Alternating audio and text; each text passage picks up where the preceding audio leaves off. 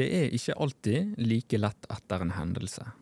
Noen av oss vil få utfordringer. Velkommen til Industrivernpodden. Mitt navn er Eivind Holm Nettveit, og i dagens episode skal vi snakke om psykisk helse i beredskapsyrket. God lytting.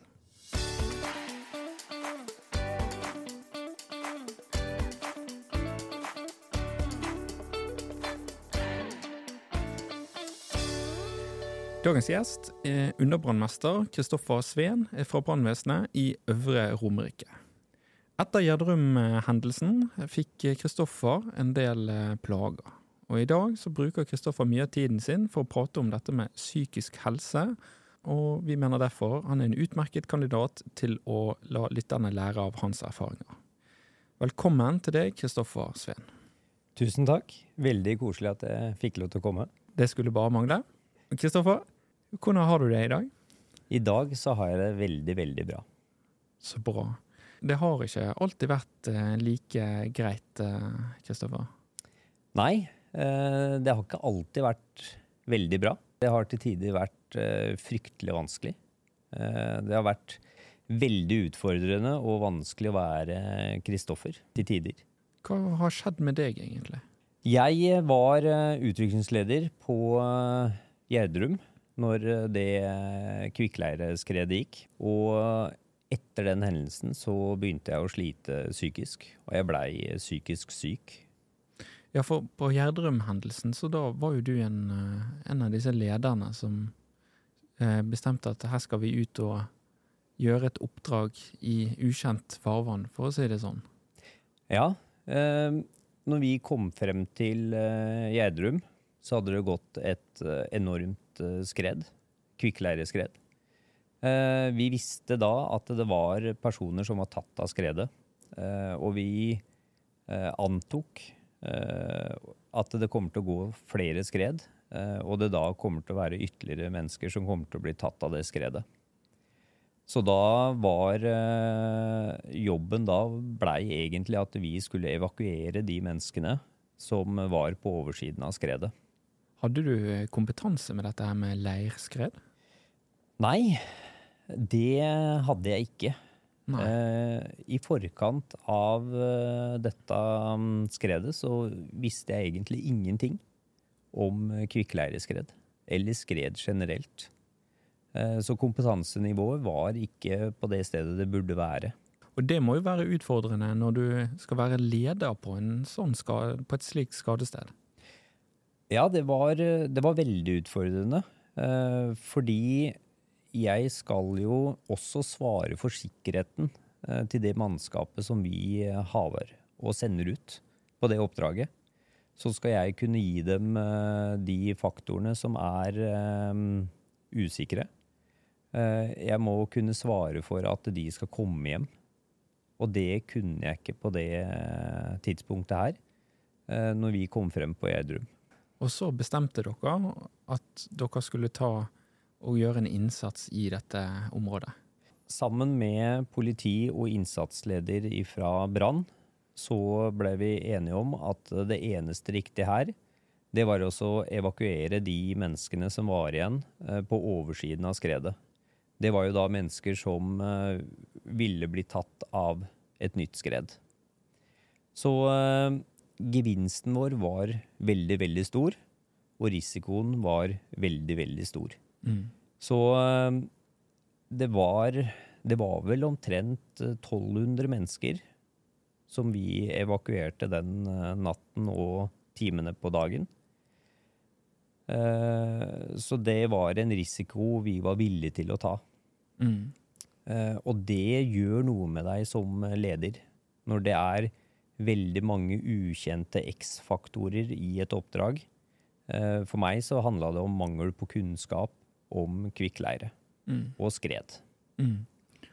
Det er jo noe vi kan knytte opp mot industrivernet. Da, at man bør jo egentlig være kjent med det som kan skje, da?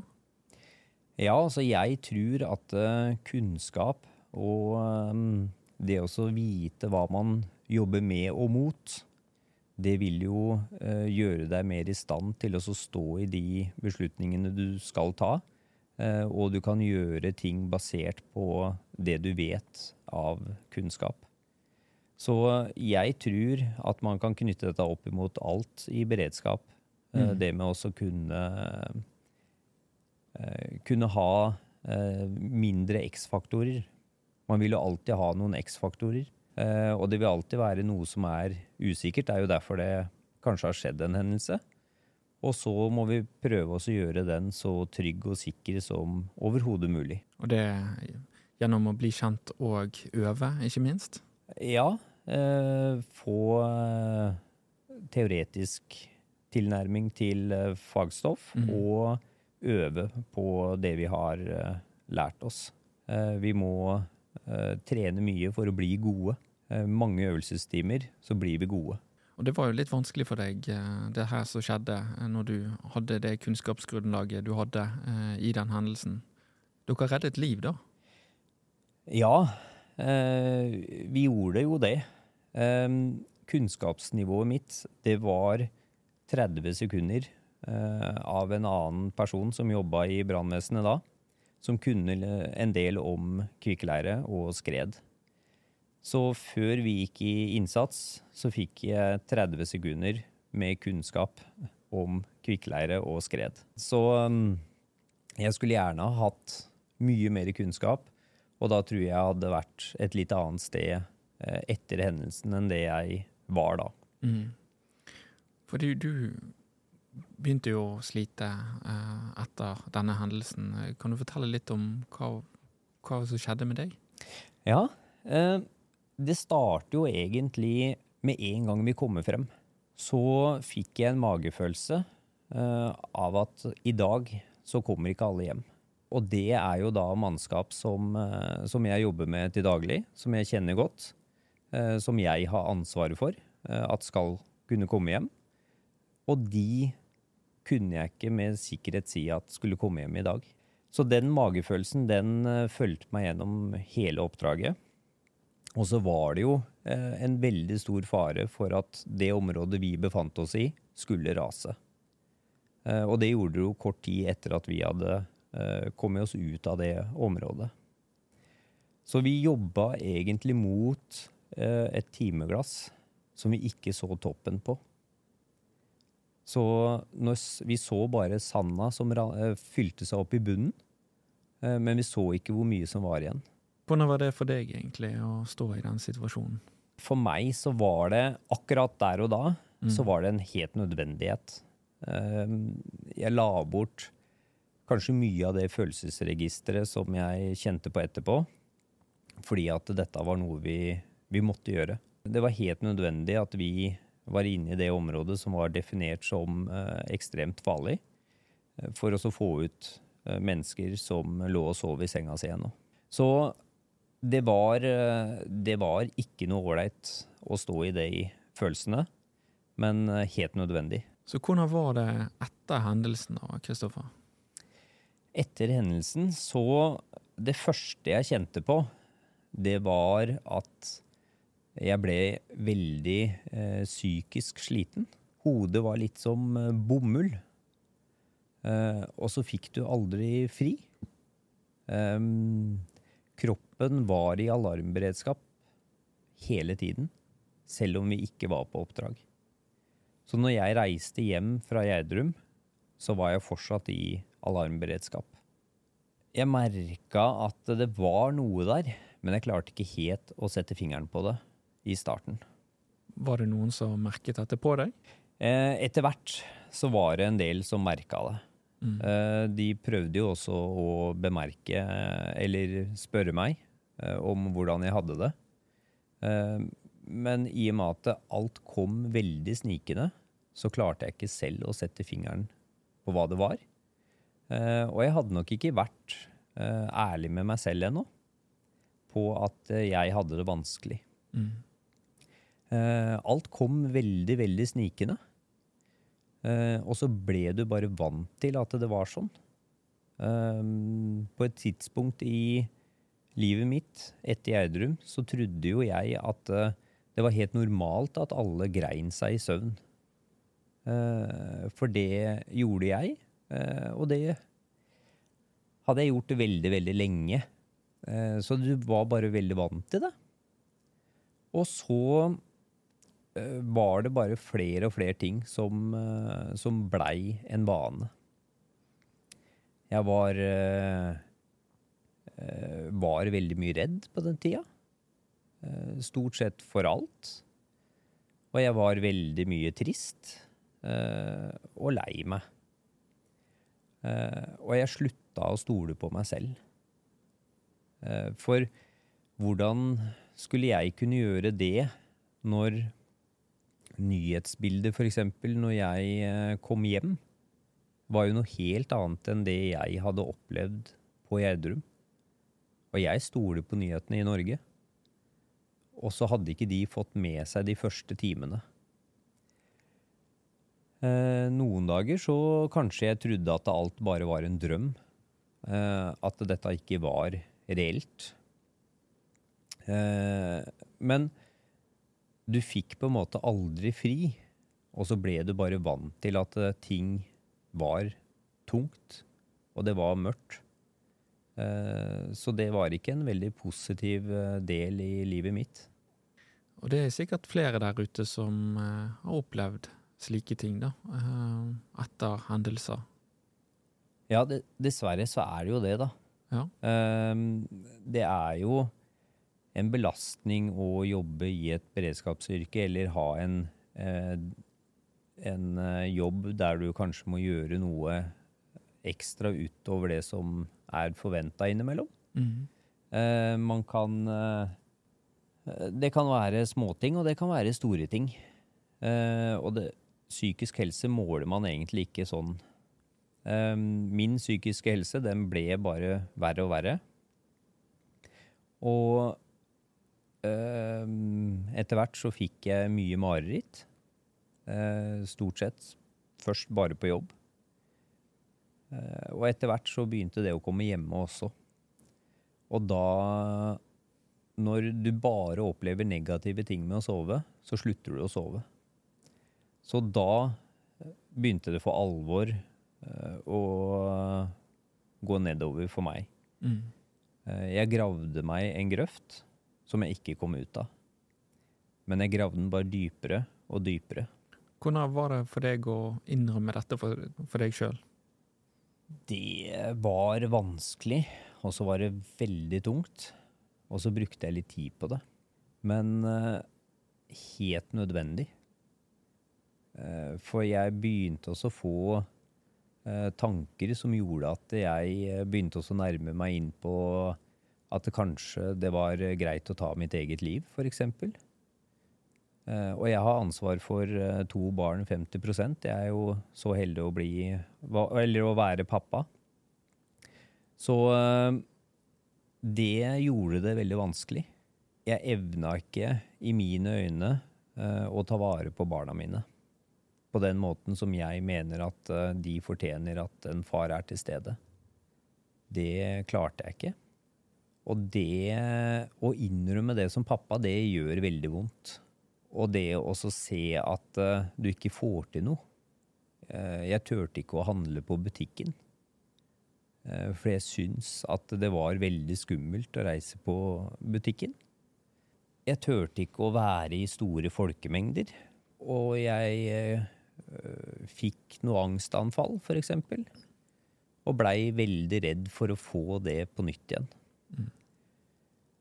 Så eh, veldig, veldig vondt og vanskelig å være ærlig med seg selv. Jeg syns det var skikkelig tungt, eh, og jeg brukte litt tid på det. Hvordan skulle du komme deg ut av dette her, da? Nei, det visste jeg ikke. Ja. Jeg var ordentlig desperat.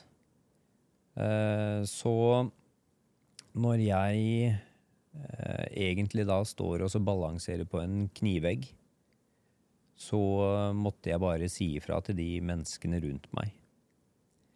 Jeg sa ifra til familien min. Eh, Jeg sa ifra til eh, jobben, min nærmeste leder, om at eh, jeg ikke har det bra.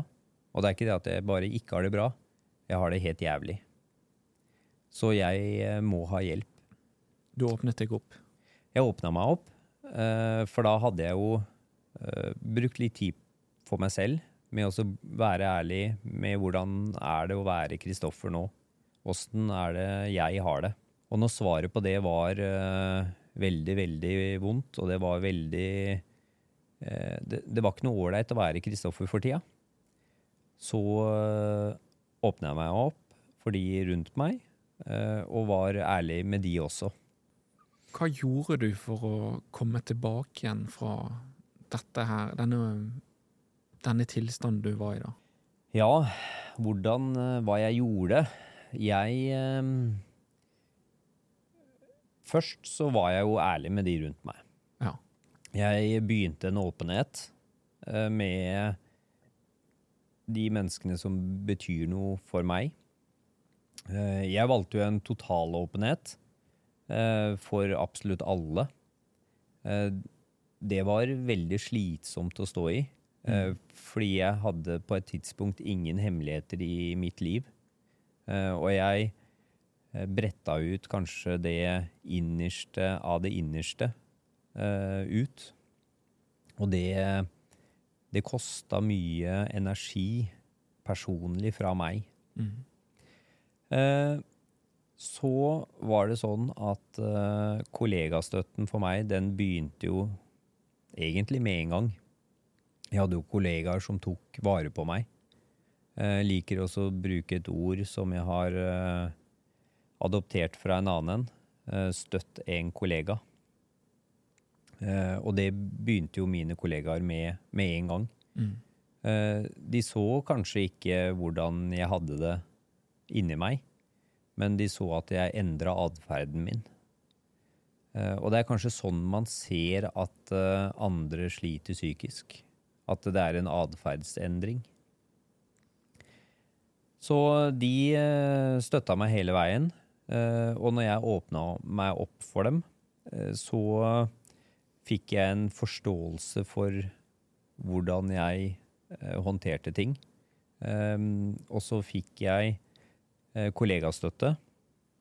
Det er jo For oss så er jo det et Også personer som har fått opptrening og øvelser i det å ha samtaler.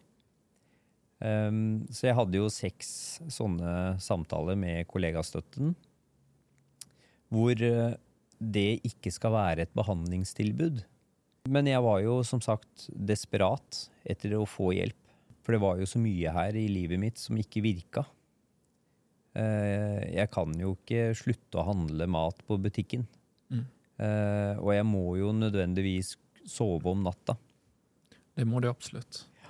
Så jeg reiste jo til fastlegen også, uh, og forklarte han hvordan uh, jeg hadde det. Og fikk da henvisning til DPS, der hvor jeg snakka med en psykologspesialist på traumebehandling. Så det kjørte jeg samtidig som kollegastøtten. Hvordan var det å spørre om hjelp? Var det bra for deg? Det var veldig bra. Ja. Og det var mye enklere enn det jeg hadde trodd. Uh, før jeg spurte om hjelp, så hadde jeg grua meg til å spørre om hjelp. Mm. Uh, men når jeg først turte å gjøre det, da gikk det mye lettere. Uh, og det var mye enklere å spørre om hjelp enn det jeg faktisk trodde. Og da begynte jeg å få den hjelpen som jeg faktisk eh, trengte. Så eh, det å også spørre om hjelp, det er en nødvendighet. Jeg, har full forståelse at det kan være litt skummelt, litt ubehagelig. Spesielt i litt sånn machoyrke også, i beredskap. Eh, er jo ofte sånn at eh, Hva er det man sier? Tøffe gutter gråter ikke? Ja, eller at uh, tøffe gutter gråter. Ja. Det er kanskje de tøffeste som gjør det. Enig. Uh, men det trenger ikke å være så lett i et uh, yrke som vi kanskje ikke har så god holdning til det å spørre om hjelp når det gjelder psyken. For jeg var jo psykisk syk. Eh, akkurat som eh, på lik linje som at jeg spurte om hjelp hos Når jeg hadde ødelagt eh, kneet mitt, eh, så bør det jo være like enkelt å spørre om hjelp når jeg sleit psykisk. Mm. Men det er, det er det ikke. Og det må vi gjøre noe med. Mm. Og det er vel kanskje det som jeg prøver å bidra noe med. Mm. Det å ha en åpenhet rundt psykisk helse. For alle har psykisk helse. Og det er viktig at den ivaretas, og at man faktisk tør å spørre om hjelp når man faktisk trenger hjelp. Ja. For meg var det helt nødvendig. Eh, hvis jeg skulle klare kampen tilbake til livet, så måtte jeg ha hjelp. Den hadde jeg ikke klart alene. Det gikk bare ikke. Så det var helt nødvendig å få hjelp utenifra for meg. Eh, Det var gjennom eh, kollegaer. Det var gjennom at arbeidsgiver hadde en forståelse eh, for at jeg trengte tilpasninger. Og det var gjennom samtale med psykolog. Mm. Det synliggjør også viktigheten av at det er et apparat rundt eh, selve innsatsstyrken, eller generelt på arbeidsplassen, da, for at hvis det skjer noe, så er man ivaretatt også psykisk, da, og ikke bare fysisk. Ja, jeg tror at det er viktig selv om man ikke jobber i et beredskapsyrke. Mm. Eh, fordi at ulykker kan skje overalt. Eh, og man er i forskjellige faser i livet.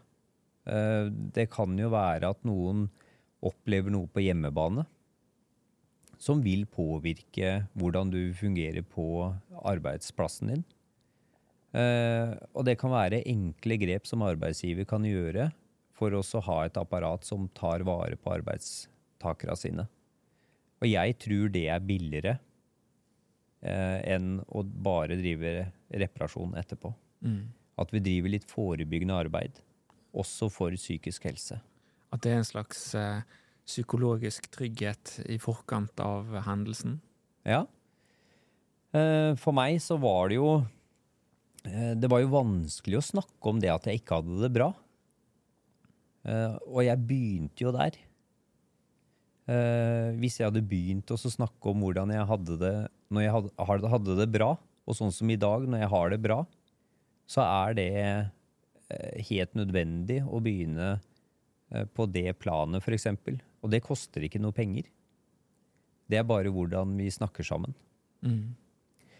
Eh, og at vi kanskje har en forståelse for at eh, hver dag er ikke kjempebra. Mm. Eh, den kan være litt tøff innimellom. Og så er det bare eh, små ting vi kan gjøre for at den dagen kanskje skal bli litt bedre.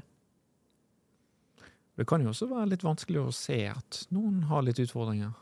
Ja, jeg blei jo en eh, mester til å smile utad, selv om jeg eh, egentlig grein inni meg selv. Eh, så koster det veldig lite å kaste på et smil. Mm. Så jeg gikk rundt med et smil om munnen, selv om det var langt ifra det jeg mente. For jeg så eksempel ingen lyspunkter i mitt liv. Og da Da blir det tungt å være menneske på jorda her. Det kan jeg forstå. Og det er jo eh, Det er jo vanskelig å se det, og, men det koster veldig lite å spørre hvordan går det. Ja.